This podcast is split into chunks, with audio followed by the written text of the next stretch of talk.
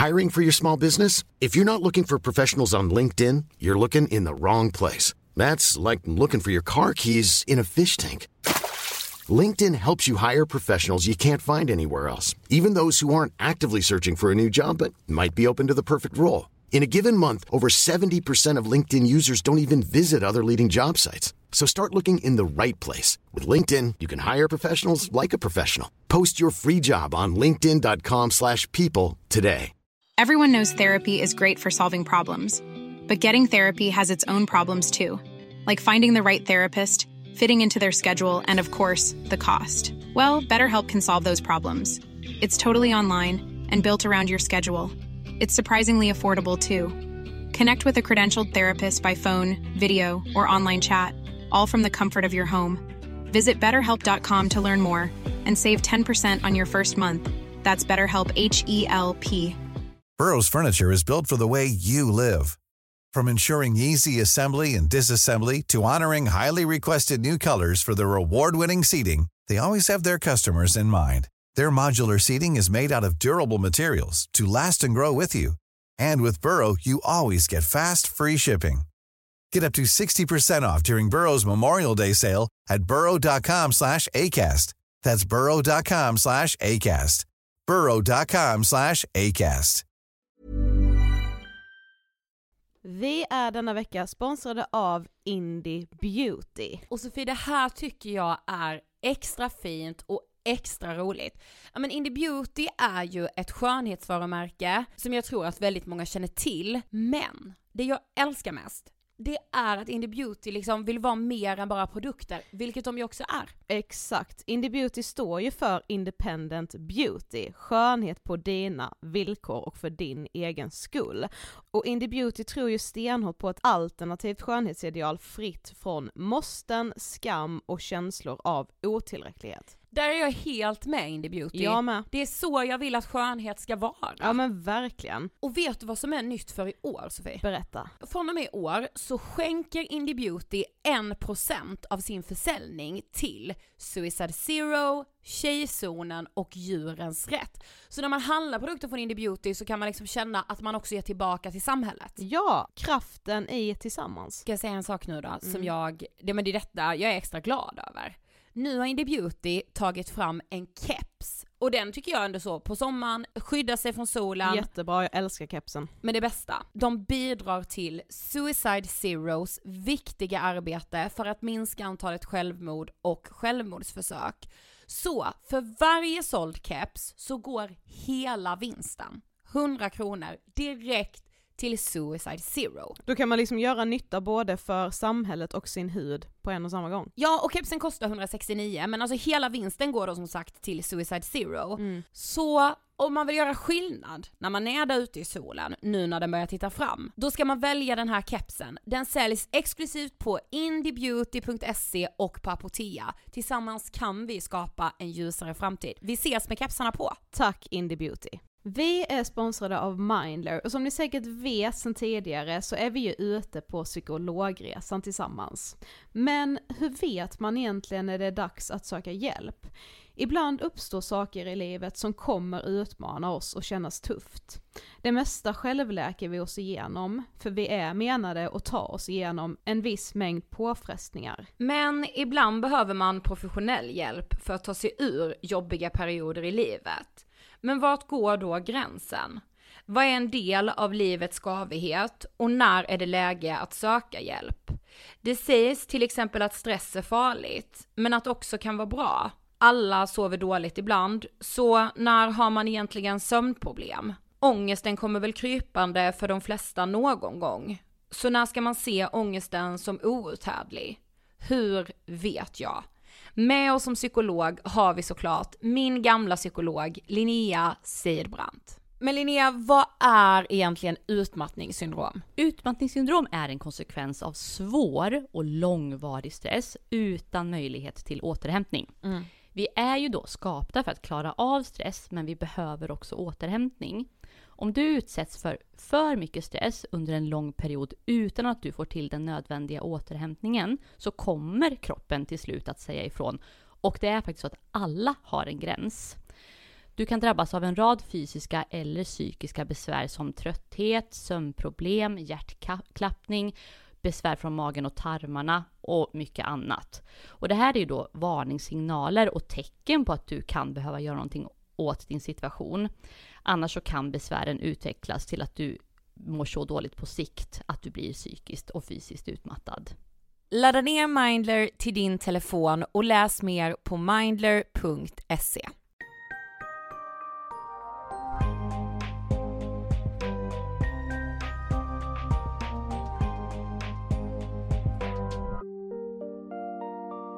allihopa och välkomna till avsnitt 475 av Ångestpodden. Hej och varmt, varmt välkomna. Ska ni vara?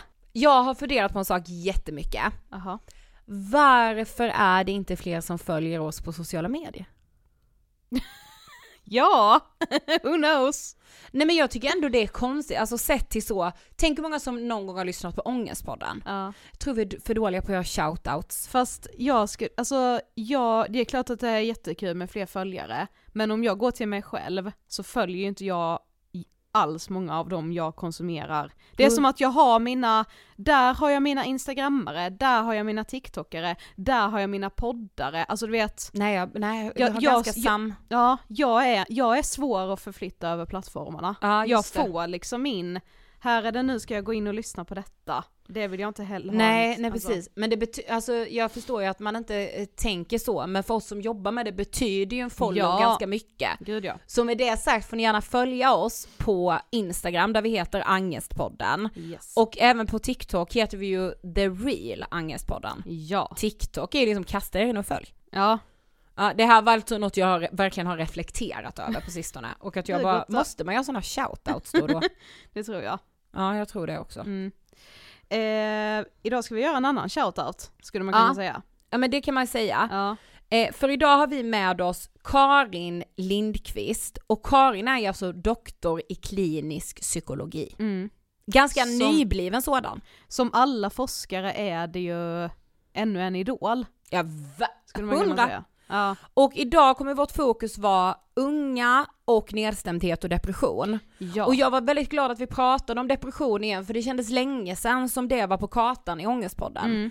Eh, Ja och just eh, så här nedstämdhet, alltså att man Mm. kan ju känna sig nedstämd eh, i korta perioder eller längre perioder Mm. i sitt liv också och att vissa av de nedstämdheterna kan ju verkligen tyda på en depression men det behöver ju inte heller alltid vara det. Hur ska man veta skillnaden? Ja men exakt, och det är vi ju lite och liksom försöker stag, stadga upp det här liksom. Ja. Vad, vad går de här gränserna? Ja, precis. Och det ska ju verkligen sägas, de är tyvärr inte så tydliga. Nej, det är ju svårt. Som Precis. med allt inom psykologi. Det finns ju egentligen inga glasklara svar. Men Karin kommer ju också med fakta som, som chockar oss. Mm. Ska vi inte avslöja nu, men fram till 80-talet så, så hade vi ju en annan syn på depression bland unga om man säger så. Exakt. Med det sagt rullar vi nu intervjun med den kliniska doktorn i psykologi, Karin Lindqvist. Varsågoda! Hej Karin och varmt välkommen till Ångestpodden! Hej, tack så mycket. Jättekul att ha dig här. Fint att vara här. Ja vi har ju precis här nu innan suttit och pratat om just din titel och att jag, om jag, för du är ju då doktor i klinisk psykologi och jag tänker om jag hade haft den titeln så hade jag varit helt odräglig för jag hade skrutit så mycket om det. Vi har också pratat om vår gemensamma nämnare Per Karlbring. Ja, Precis. Ja. eh, vår gamla poddis, jag tror det var 2020 han gästade oss. ja, det var där vid pandemin typ. Precis. Ja. Precis. Mm. Men Karin du ska få berätta, vem är du? Ja, eh, ja, jag heter Karin Lindqvist och jag är psykolog och som sagt doktor i klinisk psykologi. Jag har skrivit en avhandling som jag disputerade med i september som handlar om eh, psykodynamisk behandling över nätet eh, för tonårsdepression. Mm. Eh, och annars så jobbar jag också kliniskt ganska mycket med barn och ungdomar och föräldrar men också Ah. en del med vuxna. Mm. Eh, så det är väl ungefär vem jag är, liksom Mm, om man ja. tänker rent yrkesmässigt. Mm. Det är väl därför jag är här. Ja, exakt. eh, vad tänker du på när du hör ordet ångest? Det första jag tänker är ju så här, åh jobbigt. Mm. Jättejobbigt och också eh, kan ju kännas ganska skrämmande sådär. Eh, men, men också eh, tänker jag ju på att det finns någonting, ofta någonting väldigt viktigt under ångesten som Mm. går att förstå och som kan behövas tas hand om eller adresseras. Så. Mm. Men som sagt, ja idag vill vi ju då fokusera på, ja men just ungdomar, nedstämdhet och depression. Eh, och vi, vi läste det här, vi vet inte om det stämmer, men stämmer det att idag säger man att stora delar av världens ungdomar lider av en svår form av depression?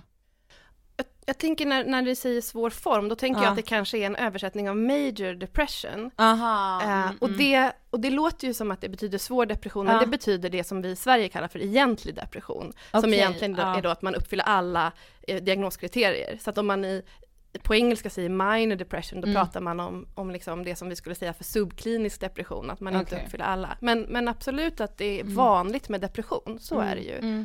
Men är det många som har, alltså kan ha vissa av depressionssymptomen men kanske inte att man uppfyller alla? Ja, absolut. Ja. Det är ju verkligen en, eh, ska man säga, en, en skala sådär och jag tänker att, att eh, även när vi är ganska friska så kan man ju uppfylla något symptom och sådär. Det är ju verkligen inte så att man är antingen eller. Nej. Nej. Eh, Och, och jag såg nog forskning på det ganska nyligen att om man tittar på bara liksom förhöjda Alltså förhöjda depressionssymptom utan att vara deprimerad så är det väldigt vanligt bland Mm. ungdomar. Mm. Ja just Och vad kan det vara för symptom då typ?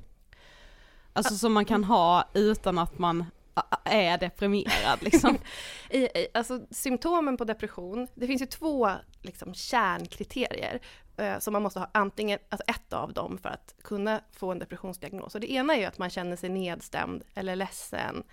Eh, och för ungdomar kan det också vara, eller barn och ungdomar, att man känner sig irriterad eller arg. Mm. Större delen av tiden, nästan varje dag. Och sen det andra kriteriet är att man inte längre liksom, känner glädje eller intresse för sånt som man brukar tycka om. Mm. Eh, Så att man inte längre vill göra de här sakerna som man egentligen tycker är kul, eller inte tycker att de känns kul längre. Ehm, så att, så att ett av dem, och sen så är det ju andra symptom som kan handla om att man känner sig värdelös, eller att man har skuldkänslor, att man har sömnsvårigheter, att man äter för mycket eller att man inte har någon aptit, att man har svårt att koncentrera sig, svårt att fatta beslut.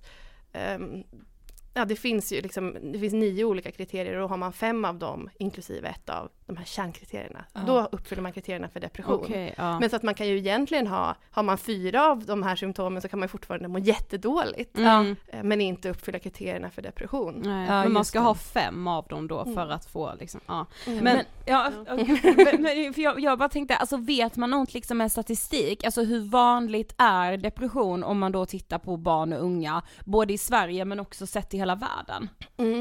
Det, det finns ju ganska många olika studier som försöker ta reda på exakt hur vanligt det är. Ja. Och de visar väldigt olika. Och det beror liksom ganska mycket på hur man ställer frågan Ah. och, och liksom frågar man "Eh, Känner du dig deprimerad just nu eller har du känt dig deprimerad förra året och Ah. sådär. Men det finns ändå forskning som tyder på att liksom ungefär kanske 18-19% av alla ungdomar någon gång under sin tonårstid faktiskt uppfyller kriterierna för depression. Och Mm. det är ju ganska många, det är ju nästan Det- en femtedel. Ja, Ja. det är, ja precis, jag skulle precis säga det, det, Mm. det är väldigt mycket, Mm. eller väldigt många. Mm. Men finns det liksom olika former av depression? Du sa liksom tonårsdepression, Mm. skiljer den sig från liksom, ja men att ifall jag skulle få en depression som ändå är 31? Liksom. Mm. Nej, men det verkar som att när man har tittat på liksom symptomen på depression så verkar det som att det kan se ganska lika ut. De är undantaget att vi faktiskt har ett extra kriterium för ungdomar, att man kan känna sig irritabel och Ah, arg istället för mm. bara nedstämd. Så, så är det inte för vuxna.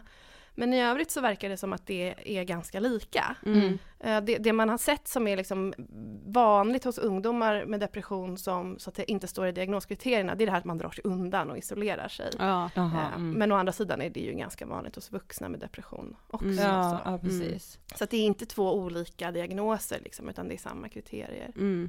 Men ibland så hör man att, att man pratar om så mild depression och mild till måttlig, alltså sådär. Mm. Mm. Hur, hur går alltså hur, avväger man det där? Mm, det handlar primärt om hur många kriterier man uppfyller. Ja, just det då. Ja, Mm. mm, mm, mm. Och sen så har vi ju också, det, det, det ingår inte riktigt i det, men, men eh, i nästan alla psykiatriska diagnoser så har vi ju ett kriterium som handlar om lidande eller funktionsnedsättning. Ja. Så, att, så att utöver att man ska uppfylla de här kriterierna så vi, vill vi ju, om, Mm. för att man ska få den här diagnosen, så antingen att man, att man upplever att det här verkligen inverkar på mitt liv på något sätt. Jag lider av det eller jag kan inte göra saker som vanligt, jag orkar inte jobba som vanligt eller jag klarar inte av skolan eller det här går ut över mina vänskapsrelationer Mm, eller mm. vad det nu kan vara. Så att det finns liksom en, en tydlig påverkan på livet också. Mm. Ja, mm. Men om vi nu bara ser då till ungdomar och depression, eh, har det skett en ökning? Eller hur, ser, hur har statistiken sett ut genom åren? Mm, det där är ju då såklart också någonting som, som folk tänker lite olika om. Mm. Vissa eh, forskare menar att det har skett en dramatisk ökning ja eh, och andra menar att det inte verkar ha skett någon ökning. Eh, men, men, och, och, och det är ju dessutom så att det finns ju en ökning i liksom rapporterad depression och också i, i personer som så att säga söker vård för depression. Men där vet man ju heller inte riktigt, är det så att det är fler som mår dåligt? Eller är det så att vi har blivit bättre på att känna igen det? Både inom vården och kanske att att man själv, så att säga, att det är mindre stigmatiserat Ja. eller finns en större medvetenhet att, så att fler faktiskt söker vård. Det vet vi ju inte riktigt. Nej. Men det verkar i alla fall så. Det verkar ändå, det mesta tyder på att det faktiskt ökar och framförallt hos tjejer. Men Och- varför tror Ja. du det ökar då? Och varför just hos tjejer? Det, det är ju superintressant. Ja. Ja, jag vet faktiskt inte, jag vågar inte riktigt gissa men, men Mm. jag, kan, jag tänker nog att det är en blandning av att, att det faktiskt ökar och att, och att det finns en större medvetenhet och en benägenhet att söka vård och det där senare är ju i så fall en bra sak. Mm. Medan det första är såklart inte en bra Nej. sak, Mm. eh, att det ökar. Men jag vet, jag vet faktiskt inte riktigt vad det kan handla om. Nej. Ja men för det vet jag också att vi, eh, när vi pratade med forskaren Sissela Nattli, för då hade hon tittat på just forskning från USA med eh, tonårsflickor och att man där såg en ökning. Eh, som ju var ganska liksom dramatisk.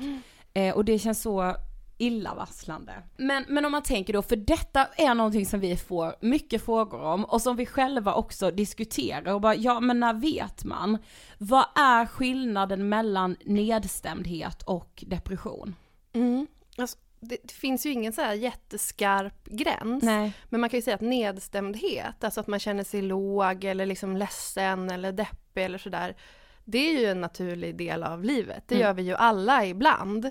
Eh, liksom mer eller mindre ofta. Ja. Så. Eh, men men det, man, det man framförallt kanske tänker kring är ju liksom hur, hur ofta, hur mycket och hur länge.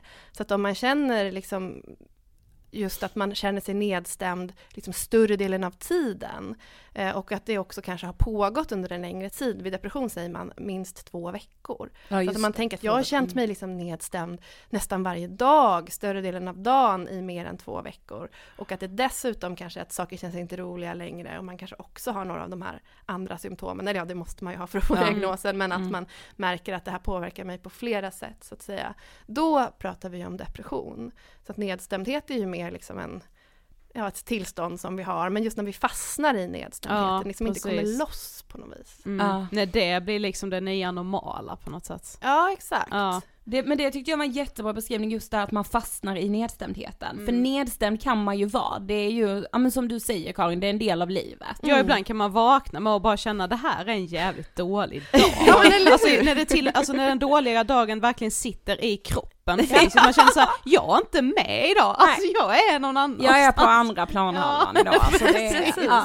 Och sådana dagar tänker jag att vi alla har. Ja, och det är ju exakt. liksom, det är ju jobbigt men helt Ja. eh, o, ganska oproblematiskt ändå Ja, på något precis. vis. Mm. Men just när man känner att varje dag är en sån dag, Mm. liksom, då kan man ju börja prata mer kanske om depression. Mm. ja, just det. Och att man inte känner sig gladare när man har gått upp och Ja. fått sitt kaffe eller vad man nu Nej, behöver göra. Att det precis. liksom hänger i. Mm. Och att man kanske också så, ja men saker som man vanligtvis, eller för det vet jag, jag har haft depression en gång i mitt liv och då vet jag just det här som jag tyckte var så tydligt i att, men jag har ju tyckt allt det här är så roligt men nu känns det bara som en övermäktig uppgift. Ja. Det känns som något jag måste göra, även om det var att träffa mina kompisar och ta en öl så kändes det som att så, nej, Alltså, ja eller så man känner sig bara likgiltig inför Mm, precis. roliga saker liksom. Att, ja, och, Mm. och så kan man titta tillbaka och bara, men för ett halvår sedan vet ju jag att jag hade varit jättepeppad och fått Mm. energi av det här. Mm. Men, och det, det känns ju som en sån tydlig, Mm. eh, som ett tydligt symptom. Mm. Verkligen. Och att det till och med kan vara så att att, att om man känner sig riktigt deprimerad och någon skulle fråga dig då till exempel sådär, då kanske du skulle säga nej men jag har aldrig tyckt att det här var kul, jag kommer Ja. aldrig tycka det igen. Att det, kän, det kan vara svårt att till och med komma ihåg att man har tyckt Ja. om det. Exakt. Mm. Men det finns ju ändå bra hjälp att få vid Mm. depression, eh, även för ungdomar. Men den här hjälpen som finns idag, alltså tycks ändå, det tycks som att det är väldigt svårt att nå ungdomarna, att de inte liksom söker hjälp. Eh, varför då tror du? Ja, det, det finns ju flera förklaringar till att, både till att inte söka och inte få hjälp. Det finns forskning som har tittat på just sådana här liksom hinder från att söka Mm. och få behandling. Eh, Och, och det kan ju vara, dels kan det ju finnas hinder i, liksom, vad ska man säga, tillgänglighet. Att det faktiskt inte finns tillgänglig vård eller att man inte får det som man behöver eller att man bor långt borta till Ja. exempel, Mm. att det är långt till närmaste mottagning och det blir ju ännu svårare om man är tonåring till exempel. Säg att du har fyra mil till närmaste mottagning där du kan få hjälp och måste få skjutsa dina föräldrar Ja. och så har du ingen god relation till dem, då kan det bli väldigt svårt. Mm. Så att, så att för många tonåringar för att få hjälp så kan det också krävas just att man kommunicerar med föräldrar. Eh, att det fungerar, det gör det inte alltid. Det kan finnas stigma kring depression, just att man skäms eller tänker att det är dåligt på något vis som hindrar Mm. en från att söka hjälp. Eh, Det kan finnas eh, tankar om, just i, i tonåren så är det ju också sådär, man kan vilja klara sig själv, Mm. man kanske inte är jätteintresserad av att sitta och öppna sig själv för en vuxen på det Mm. sättet, alltid. Eh, Det finns ju också såklart, det, det kan finnas mycket liksom oro och ångest kopplat till att söka hjälp. Mm. Liksom, Mm. Vad ska jag säga, vart ska jag vända mig? Är jag tillräckligt sjuk? Jag Ah. kanske inte borde. Det finns andra som behöver den här platsen bättre. Det är ju jättevanligt att, att liksom, eh, unga personer upplever liksom, nej men jag ska väl inte ta den platsen. Sådär. Mm. Men också en rädsla för att få dålig hjälp, att liksom Mm. bli dåligt bemött. Eh, Det är ju jättejobbigt att liksom ta det steget och sen känna att man inte riktigt landar Mm. någonstans. Ja, jag tror också att man kan ha en bild av, alltså om jag bara går till mig själv, att så länge man fortfarande utför det man ska, alltså Mm. typ man går till skolan eller man går till jobbet men man har ändå den här nedstämda känslan, då är man ändå inte tillräckligt sjuk Ja, för att söka precis. hjälp. Att säga, jo men jag fungerar ju i vardagen, sen Mm. hur rolig den vardagen känns, det är liksom så, ja men det, mening jag känner, ja Ja precis. precis, det Mm. får jag ändå liksom kanske jobba med själv, men att så, här, så länge man inte, alltså man har ju en bild av att så här, djup depression, då kan man inte ens resa sig från sängen, men det är ju faktiskt viktigt att komma ihåg med att jo, alltså du kan ta dig upp och ut, sen kan det vara så att man också bara ligger i sängen, Mm. men man kan liksom vara deprimerad även om man går till skolan liksom. Ja, verkligen. Det är ju ganska många som, som liksom så att säga håller upp den fasaden Ja. och klarar, gör allt det de ska. Mm. Men man kanske tycker verkligen att det är extremt jobbigt. Mm. Och sen kommer man hem och, och gör ingenting. Liksom, Mm. Så att man bara nästan som en robot liksom, Ja. klarar av alla sina sysslor. Precis. Eh, och, och det är ju, jag menar, det, man kan ju fortfarande vara deprimerad trots det. Så att Mm. säga. Det behöver inte vara så att man inte kommer upp ur sängen. Nej, exakt. Och där tänker jag också att, det- att, att det är så synd. Eh, därför att det hindrar ju verkligen eh, personer från att söka hjälp. Och där tänker jag att den uppgiften kan man ju lämna över till vården, att göra Ja. den bedömningen. Det är ju liksom det som är vårt jobb. Så att man kan ju alltid ringa och fråga eller ta kontakt och säga att ja, men jag, jag vet inte men jag undrar. Så att den bedömningen behöver man ju inte göra själv. Nej. Är jag tillräckligt deprimerad? Det är ju Mm. en del i det som, som vi gör när man kommer till vården så att säga. Mm. Men skulle du säga, alltså om man då tittar på kunskap liksom kring depression bland, bland unga, eh, eller bland tonåringar då, alltså är det många som vet om, eller som, som kan tänka så, men jag är nog deprimerad men jag, jag vill inte belasta vården, eller är det många som kanske inte ens vet om att de är deprimerade? Ja, jag tänker nog att det är många både liksom vuxna och och unga personer som inte, alltså jag menar det är klart att det, det, det ska ju liksom inte vara allmänbildning att kunna diagnoskriterierna för depression och sådär. Ehm, så, så, Det är ett jobb. ja, exakt. Ehm, Men jag tror absolut att det är många det, det, har ju också funnits länge, länge en bild av att liksom det ingår att må dåligt när man är ung. Mm. Ja, Alltså exakt. man ska må skit när man är tonåring. Precis. Eh, Både liksom inom, inom vård och liksom inom oss som, bland oss som jobbar med det här så har ju den bilden, fanns ju den bilden länge. Eh, Jag menar tonårsdepression fanns inte med i liksom diagnosmanualerna förrän 1980. För man tänkte innan att barn och ungdomar inte kunde vara deprimerade. Det var liksom, det bara ingick i utvecklingen att man mådde dåligt. Ja. Ja, man mådde piss liksom Ja. så. Eh, Men nu vet vi ju att, att det här liksom, det här piss som man mår när man är tonåring är en annan sak än, än att vara deprimerad. Ja. kan skilja dem åt. Men gud, så det, 1980 kom det med i... Mm. Oj, alltså det är liksom nyss. Alltså, ja men då, fast då ska jag ändå säga att jag visste inte att det fanns på papper, alltså när du sa tonårsdepression här så trodde jag det var någonting du sa, inte att det står liksom. Nej men det står ju inte, men däremot så ställer vi diagnosen depression för tonåringar också. Ja, Alltså ja, så att tidigare så gjorde man inte det, men det är samma diagnos. Ja. Liksom, Aha, men man, man, man tänkte liksom att barn och unga kan inte bli deprimerade. Nej, det ingår liksom att man mår dåligt under utvecklingen och det finns ju liksom till och med, jag vet att, jag tror att liksom Anna Freud sa att om man, om man liksom inte, alltså det var ett mer tecken på ohälsa om man mådde bra under tonårstiden. Ah, mm. man, det är liksom, man, man skulle må dåligt. och sådär.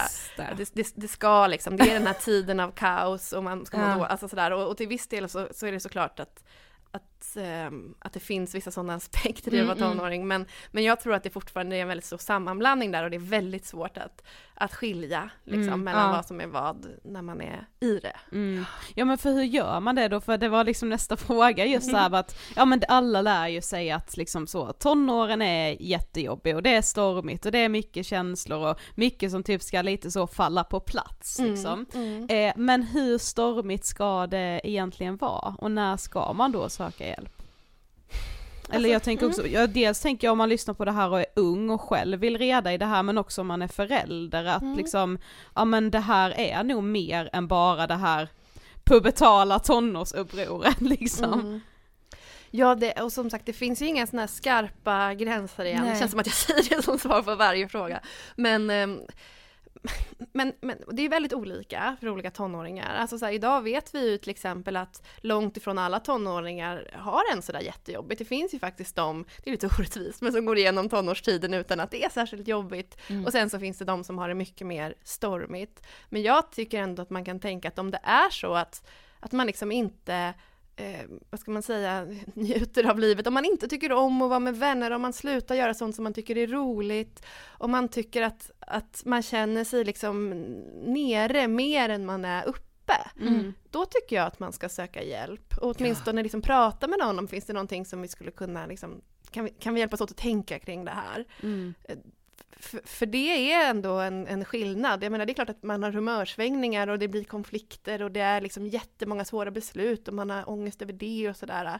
Men just det här när man liksom känner att men nu, nu börjar jag liksom dra mig undan från världen eller jag vill Ja. göra det eller jag vill inte vara med eller det här är liksom mer jobbigt än vad jag mäktar med. Då tänker jag att man ändå ska fundera kring Mm. det. Så tråkig ska liksom inte tonårstiden vara att man inte vill umgås med sina vänner. Nej, och sen kan det ju vara så att man liksom i stunder känner att liksom jorden går under och Ja. sådär, men sen så känner man nästa dag att nej men jag, Mm.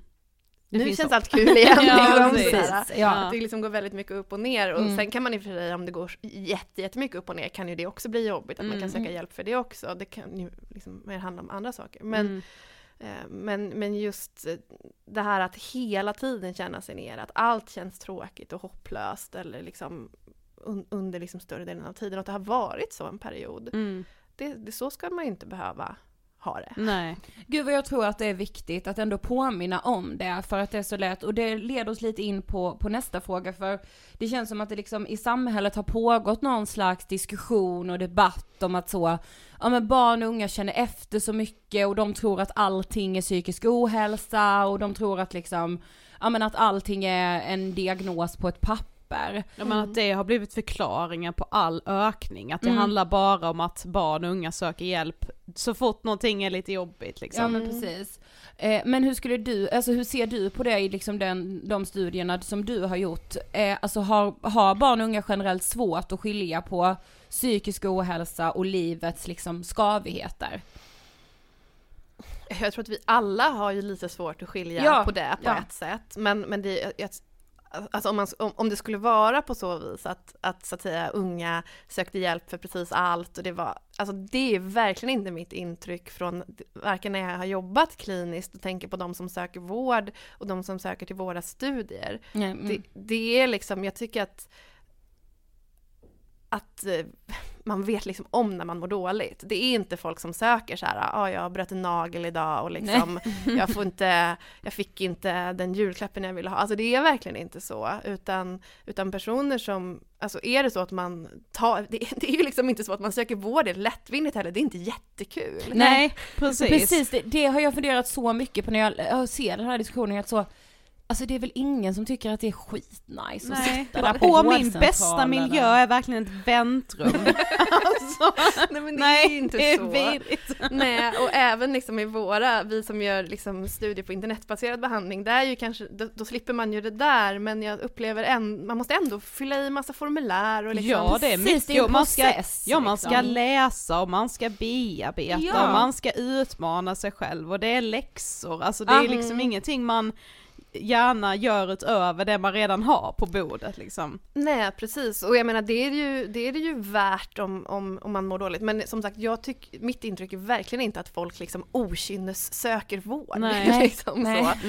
Det, och det kan ju vara, där, sen så kan det säkert vara annorlunda hur man, hur man pratar om det. Det kan ju vara det folk menar, att man kanske är mer, alltså ni vet att man liksom slänger sig med de Ja, orden liksom, när man pratar med sina. Mm. kompisar eller sådär. Men, men när det väl är liksom allvar, om man frågar någon så tänker jag att folk ändå, alltså det finns ju en, en en större benägenhet att så att säga spela ner hur dåligt man mår än att spela upp det. Ja, Mm. verkligen. Gud vad Ja, sant. ja, väl.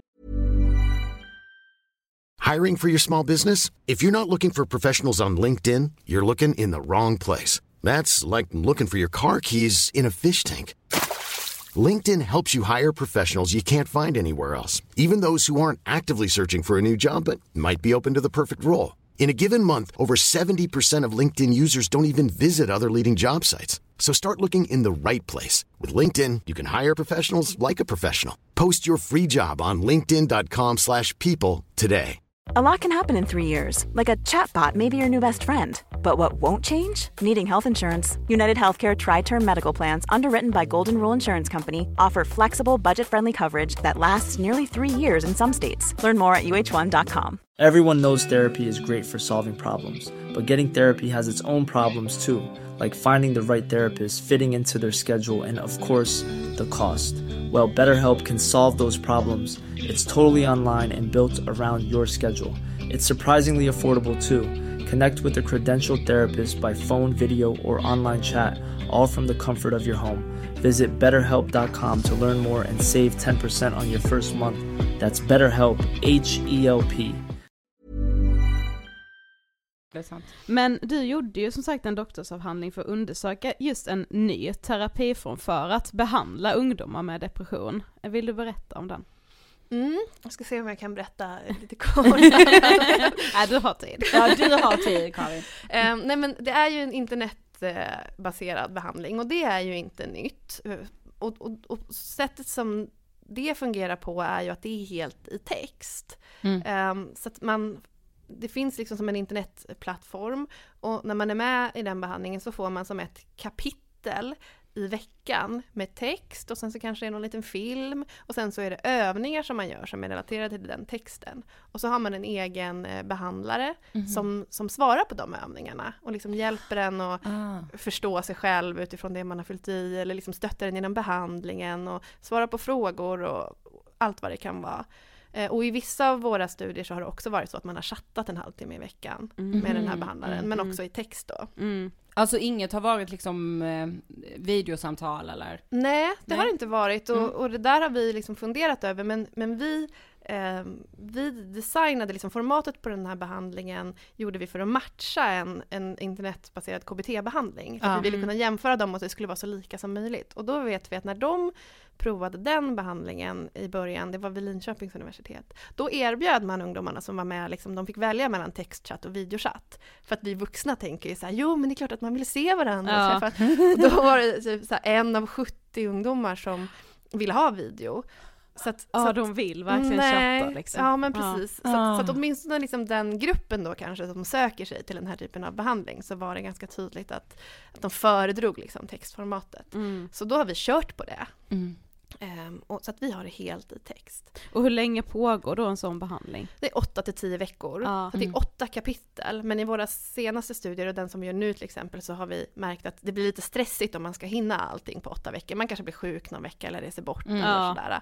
Så därför så har man 10 veckor så att säga på sig att, Mm. att göra de Mm. här åtta kapitlerna. Mm. Så att så är liksom formatet. Ehm, och sen som sagt, det finns ju eh, redan eh, flera jättebra eh, IKBT, IKBT betyder då internetbaserad KBT. Mm. Eh, Så det vi har utvecklat är ju en, en behandling som bygger på psykodynamisk teori, eh, eller mer bestämt liksom en modern psykodynamisk teori som kallas för affektfokuserad eh, terapi.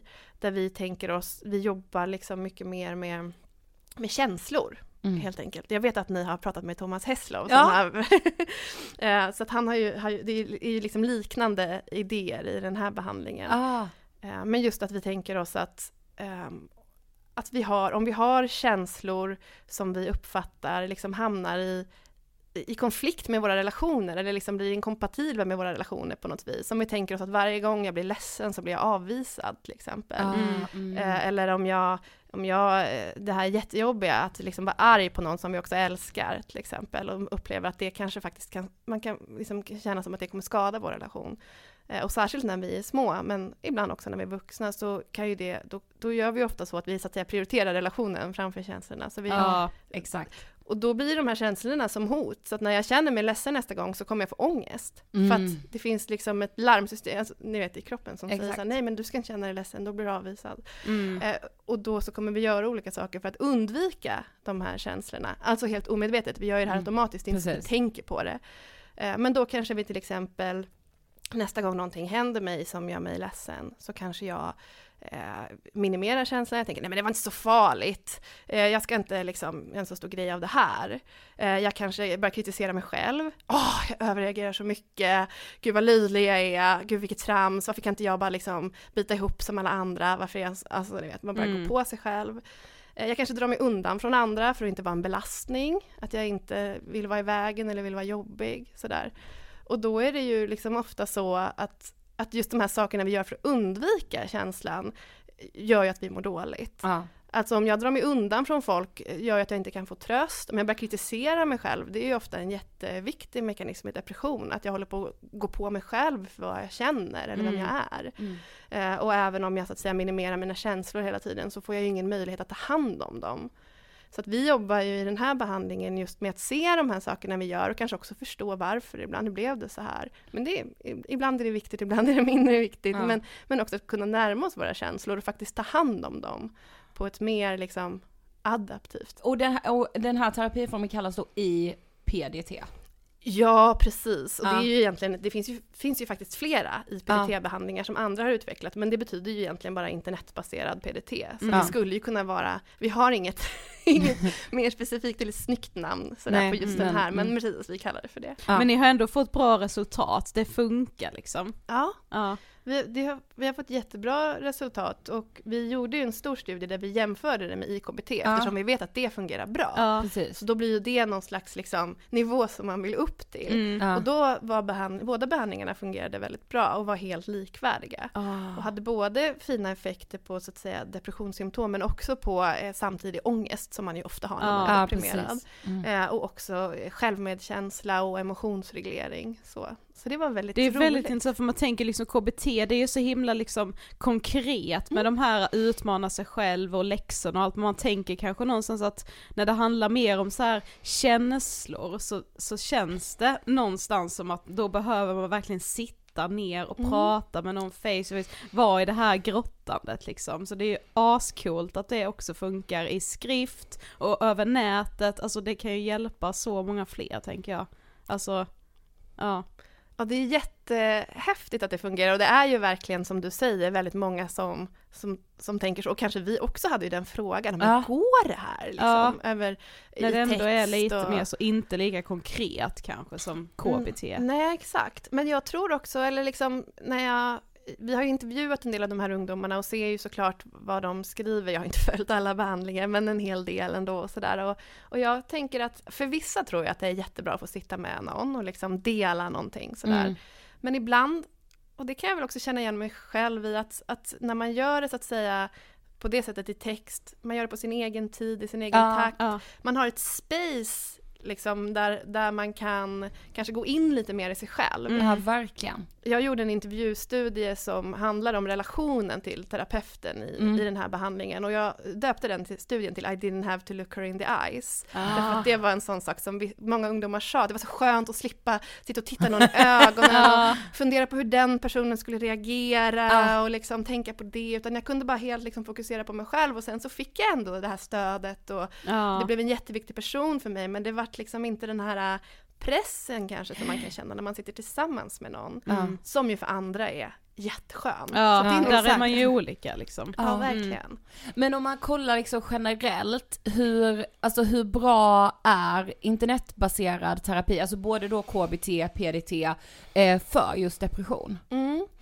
Alltså det vi, det vi har sett när vi jämför med studier på liksom face-to-face eh, terapi så verkar det vara ganska likvärdigt. Ah.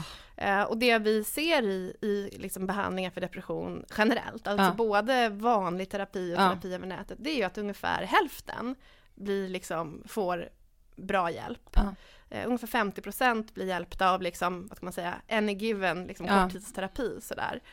Ehm, och det kan ju låta lite nedslående också sådär, hälften. Men jag Mm. tänker att på ett Dels är det inte så dåligt om man jämför Nej. med behandlingar i stort, men, men jag tänker också att det kan vara bra att veta att, att det hjälper inte alla. Och, och det som vi forskare är jättenyfikna på är såklart, kan man liksom öka den effekten? Det, håller, det är en sån sak som vi funderar på i, vår studie nu. Kan Ah. man liksom, de här personerna som inte blir hjälpta, vad kan vi göra för att hjälpa dem mer? Mm. Men det finns ju också frågor om, är det så, som du var inne på, att nu har vi ju olika behandlingar som på gruppnivå verkar olika bra, eller lika bra, men som är konceptuellt väldigt olika Ja, varandra. ja. Är det så att de passar olika personer kanske? Ja. Finns det Ah. faktorer som påverkar det?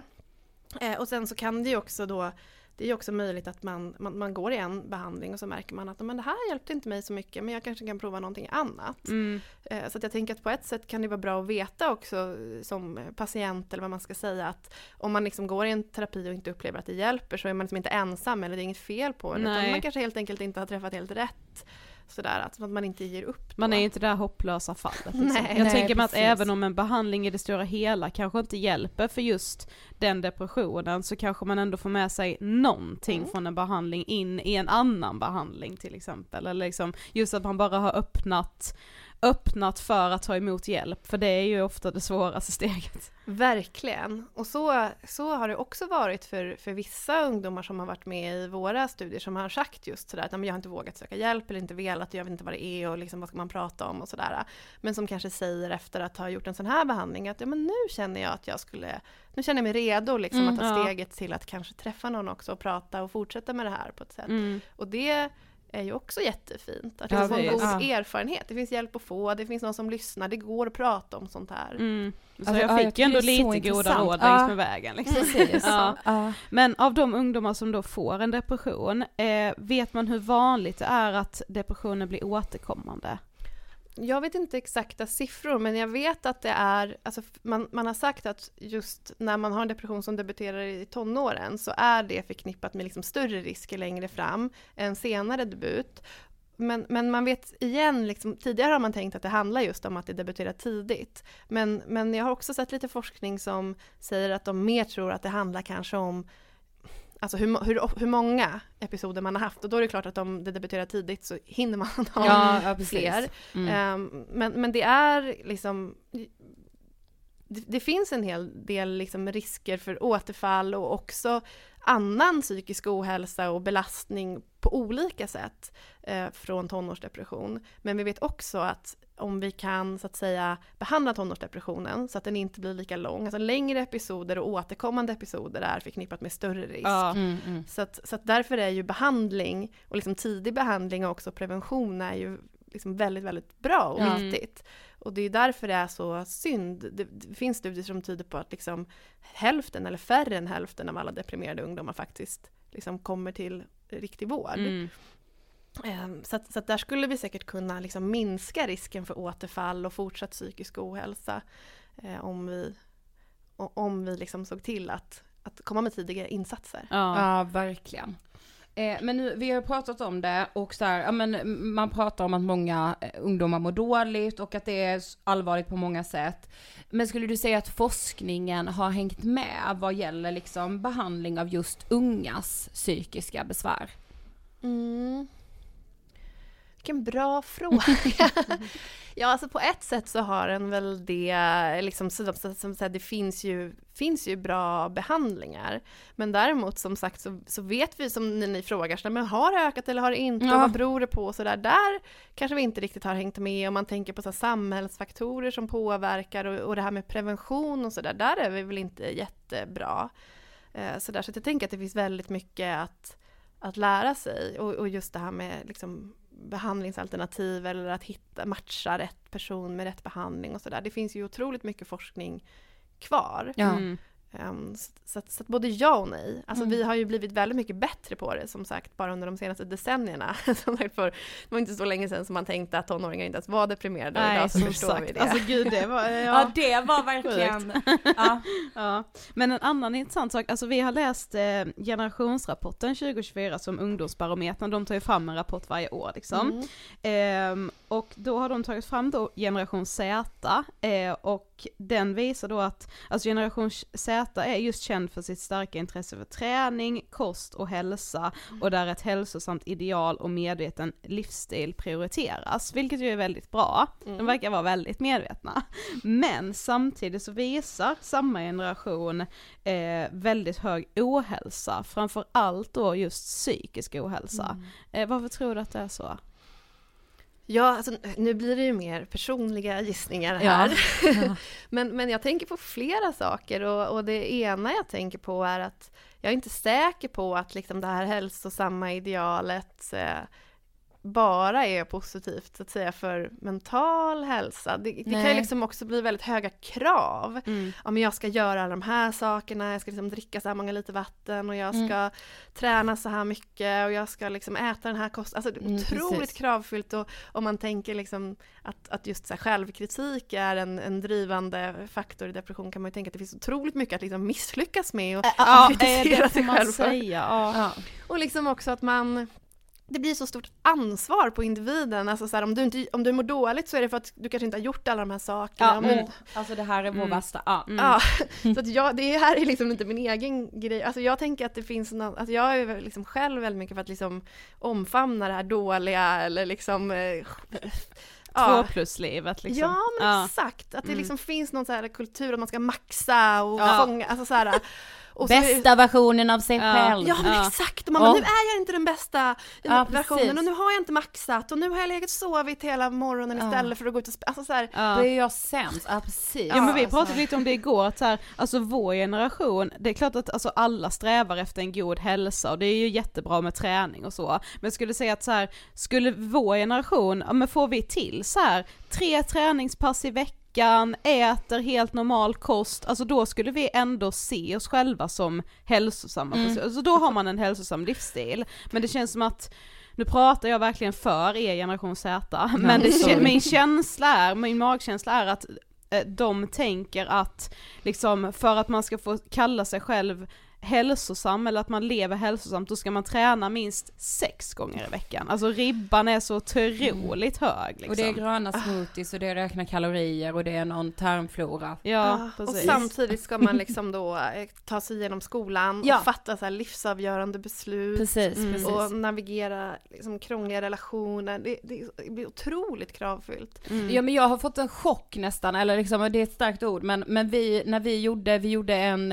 eh, en kampanj inf- inför valet 2022 där vi eh, jobbade just med elevhälsan och hade fokusgrupper där vi träffade ungdomar. Eh, och många av dem gick gymnasiet eh, och några högstadiet. Eh, men när vi då liksom, eh, ja, men, vi hade då öppna frågor till dem och de började prata om så här, ja men man tänker ju mycket på, sen ska man ju plugga och då vill man ju gå på det bästa universitetet och då är det ju också bostad i Uppsala eller Lund och, och jag satt och tänkte, det här fanns ju liksom inte i min värld när jag gick gymnasiet för tio år sedan. Nej, alltså, alltså det jag, fanns nu minns ju jag inte, Nej nu minns jag inte exakt ordet men det, det var också, vi träffade liksom elever från en skola och satt bara och pratade om så här, ja men ångest liksom. Och så frågade vi så här, men vad är liksom, vad är den största bördan nu? Det var inte utbildningsångest hon sa, den här eleven, men det var någonting i det, Mm. alltså så här, man har så mycket, alltså det jag kanske skulle kalla framtidsångest då, men hon, det var ännu mer så Ja men bildningsångest Ja jag hon sa. Mm. bildningsångest var det, ja. Är att så, man, man måste liksom veta vad man vill och man ska ta de här svåra val, alltså jag var så, gymnasievalet, Mm. ja det var kanske lite ångestladdat för man var så, hmm ska jag gå i estet eller samhälle? Uh, jag vet inte.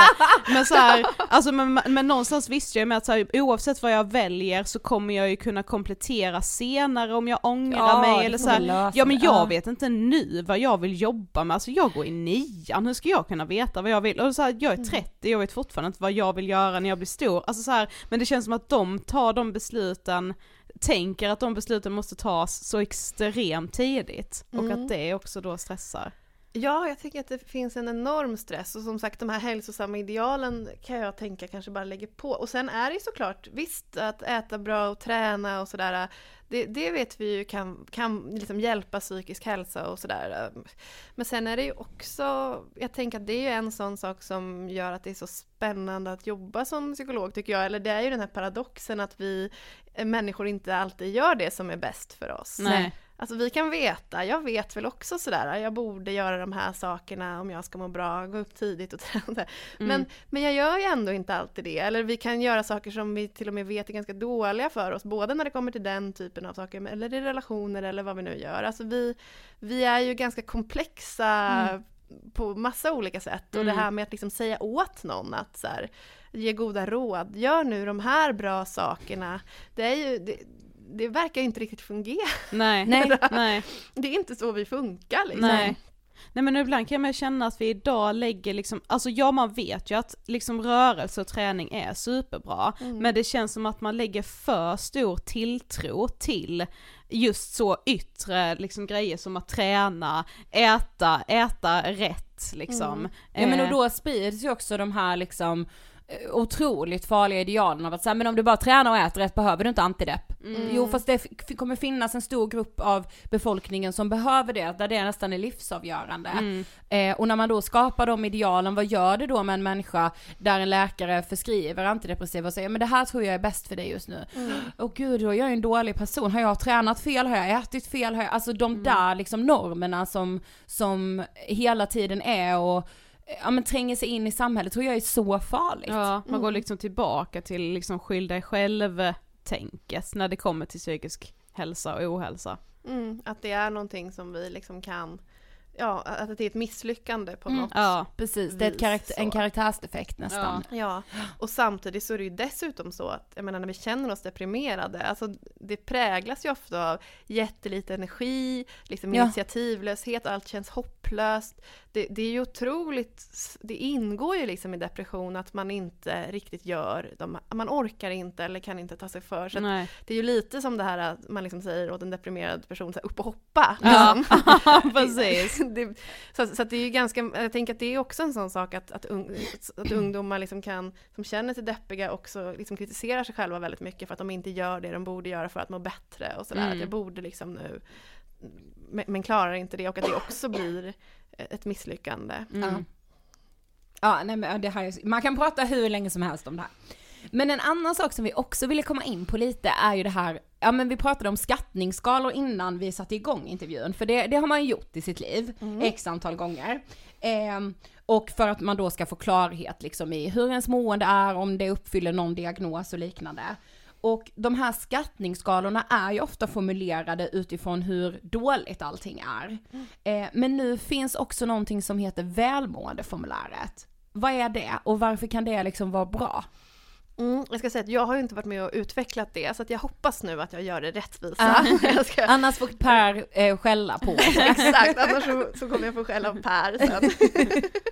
men, men tanken är ju liksom att, att för som, som du säger, när vi skattar hur, hur vi mår, till exempel när vi kanske söker vård och så, så, så skattar vi kanske depressionssymptom. Alltså Mm. sådär, jag har haft eh, dålig aptit eh, den senaste veckan eller den senaste veckan har jag haft sömnproblem eller jag har känt mig initi- initiativlös och hopplös eller sådär.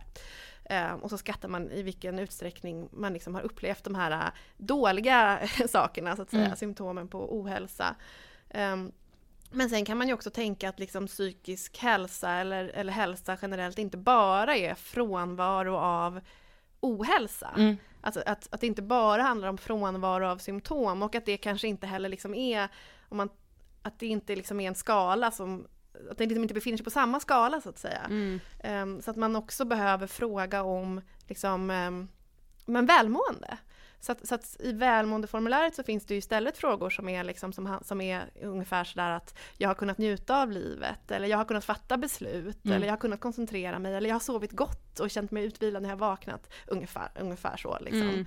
Eh, och, och tanken är ju dels då att det är ju också en viktig del i, Mm. i psykisk hälsa, att, att uppleva välmående. Och det är inte säkert att man gör det bara för att man så att säga inte upplever så mycket symptom. Nej. Och dessutom, som vi pratade lite om innan, att man kan ju faktiskt kanske kanske uppleva båda. Man kanske kan ha lite symptom men ändå ha visst välmående eller så har man inte det och det kan Ja. också vara ganska avgörande. Mm. Ehm, så, så det är ju liksom grundtanken bakom den typen av formulär och det formuläret. Mm. Ja. Ja. det kan ju bli lite skönt att så här, har man liksom en liten svacka och känner sig lite nere, man kanske inte uppfyller liksom depressionskraven men ändå man känner sig lite nere och det är mycket som är jobbigt men så gör man ett välmåendeformulär och får liksom ändå en överblick i att så okej men i det stora hela så mår jag ju ändå faktiskt helt okej och Mm. att man får bli lite hoppfull i det då liksom. Ja precis och det blir, jag tänker att det blir viktigt men både med depression men också med annan psykisk ohälsa. Eh, som, det finns ju liksom den typen av psykisk ohälsa som man kanske har större delar av livet liksom, Mm. som man har med sig mer och för vissa personer med depression så är det också någonting som man har med sig stora delar av livet. Ja. Och då kan ju just det här med liksom livskvalitet till exempel vara något jätteviktigt att, att mäta. Att jo men jag kan ha de här perioderna men jag har en mycket högre livskvalitet nu. Jag orkar göra de sakerna jag ska göra och jag njuter liksom av livet eh, trots att jag kanske har vissa svårigheter eller problem kvar till exempel. Det är ju jätteviktigt att veta. Mm. Eller tvärtom då, att jo men jag, från, ja, jag, jag har inte liksom li- riktigt lika mycket ångest men jag känner fortfarande inte att livet är något kul. Då kanske vi fortfarande behöver fundera över vad det handlar om. Mm. Ja, exakt. Mm. Då har vi kommit till sista frågan. Mm. Vad inspirerar dig? Vilken stor fråga! Ja, Svårast idag. ja Verkligen! Jag tänker att det är flera saker som inspirerar mig, alltså både som liksom kliniker och forskare. Alltså som, som, eh, som kliniker så blir jag ju väldigt inspirerad av, av patienter. Alltså Mm. det är ju otroligt häftigt att få hänga med någon, både de här förtroendena som man får. Alltså när en tonåring säger så här, jag har inte pratat med någon om det här förut, Ja. men nu känner jag att jag, jag kan prata om det här. Eller hör av sig och säger att liksom, ja men, ja, ja, nu mår jag bättre tack vare det här. Jag har gjort Mm. Ja. saker i mitt liv och det här har hjälpt mig. Då, det är ju det finaste som finns verkligen. Ja. Ehm, så. Eller som sagt när man jobbar med någon som verkligen kämpar liksom, i en terapi och som gör förändringar fastän det är tufft. Liksom. Mm. Eh, det är ju väldigt fint att få, att få, liksom, ja, man får hänga med på det. det är, på de fina liksom, förtroendefulla resorna. Ja. Men alltså, du vet, Ja. de, i de processerna. Liksom, Ja. så. Eh, sen som forskare så tycker jag att det är liksom väldigt spännande just att få utforska de här, eh, liksom, alltså den här nyfikenheten. Just, att, kan, man, kan man göra PDT på det här sättet? Går Ja. det? Mm. Sådär. Eh, och sen så, det kanske inte är inspiration, men jag tänker att, liksom att man kan bli lite irriterad ibland också, att det också kan vara en bra drivkraft. Alltså varför är det så här? Eller Ja. varför säger folk att det här inte går? Eller liksom, Ja. sådär. Att, att, att då kan man ju också tycka att det är lite extra roligt. Liksom, Ja, att såklart. utmana lite. Så det jag också är kul. Ja. Tusen tack Karin för att du vill gästa Ångestpodden. Tack så mycket för att jag fick komma. Jag kan inte säga det nog hur, eh, hur viktigt det kändes att få ta upp depression igen. Och just det här med ungdomar, nedstämdhet, att man liksom inte trodde att unga kunde bli deprimerade. Nej, precis. Va? Så, och att så, ja men just det här som vi är inne ganska mycket på att man liksom, när man är ung så får man höra att de här stormiga känslorna, som också då kan bli ganska mörka för vissa mm. ju, att det bara är en del av puberteten. Att det är så, ja man mår åt helvete i puberteten. Ja, ja men liksom. exakt. Så ska man bara avfärda allt det som pubertala problem, ah. när det ju faktiskt kan röra sig om en depression. Men vi pratar ju också om eh, välmåendeformuläret, gillar ja. jag hur mycket som helst. Jag med. Man vänder på steken. Ja, verkligen. Men du Karin, hon håller ju faktiskt på med en ny studie nu som man kan ansöka till. Ja, vi pratade lite om det i avsnittet redan, men är du mellan 15 till 19 år och känner dig just nedstämd eller deprimerad så kan du anmäla dig till en studie där du får behandling helt kostnadsfritt under 10 veckor. Och hela den här behandlingen sker då digitalt och allt är över text så man har liksom inga eh, digitala eller fysiska möten med Nej, någon. så det spelar ingen roll var i landet du bor. Nej. Och, och dessutom så, om du, om du känner så här, jag är nedstämd, jag är deprimerad, men jag vet inte, alla som ansöker får en bedömning. Ja, och om man sen kommer med i studien så börjar behandlingen inom två veckor efter att man har anmält sig. Tipsa om du inte är mellan 15 och 19 själv, men du har säkert någon i din närhet. Om du har märkt att den personen inte mår så bra, du kanske är förälder, idrottsledare. Och det här är ju också ett sätt att bidra till forskningen. Studien är etikprövad eh, och det finns ingen väntelista precis som vi sa det här, det här är så viktigt, och just Sofie, att få bidra till forskning. Ja, precis. Och också ju få en möjlighet att få behandling helt gratis. Mm eh, utan de här enorma väntetiderna. Exakt. Jag skulle också säga, för jag är själv med i en studie nu, en liknande denna, men jag är ju lite äldre, ja. så att jag är en annan, en annan åldersgrupp. Eh, men det är väldigt smidigt, alltså de här plattformarna som används, och man får liksom moduler och det är lite läxor och så har man liksom textkontakt då med en eller flera psykologer, nu vet jag inte exakt hur det är här, men jag har ju blivit tilldelad en egen psykolog liksom. Så det känns ändå väldigt personligt även om allting är digitalt. Men var ansöker man? Man både ansöker eller läser mer först innan man gör det på www.erika.nu och Erika med C, alltså E-R-I-C-A.nu. Underbart! Eh, är det någon som vet om vi älskar forskning? Det, det, antar jag. Man vet det nu kanske? Ja, det är tydligt. Och forskningståget och vi tuffar vidare. Vi hörs på måndag. Hejdå! Hejdå!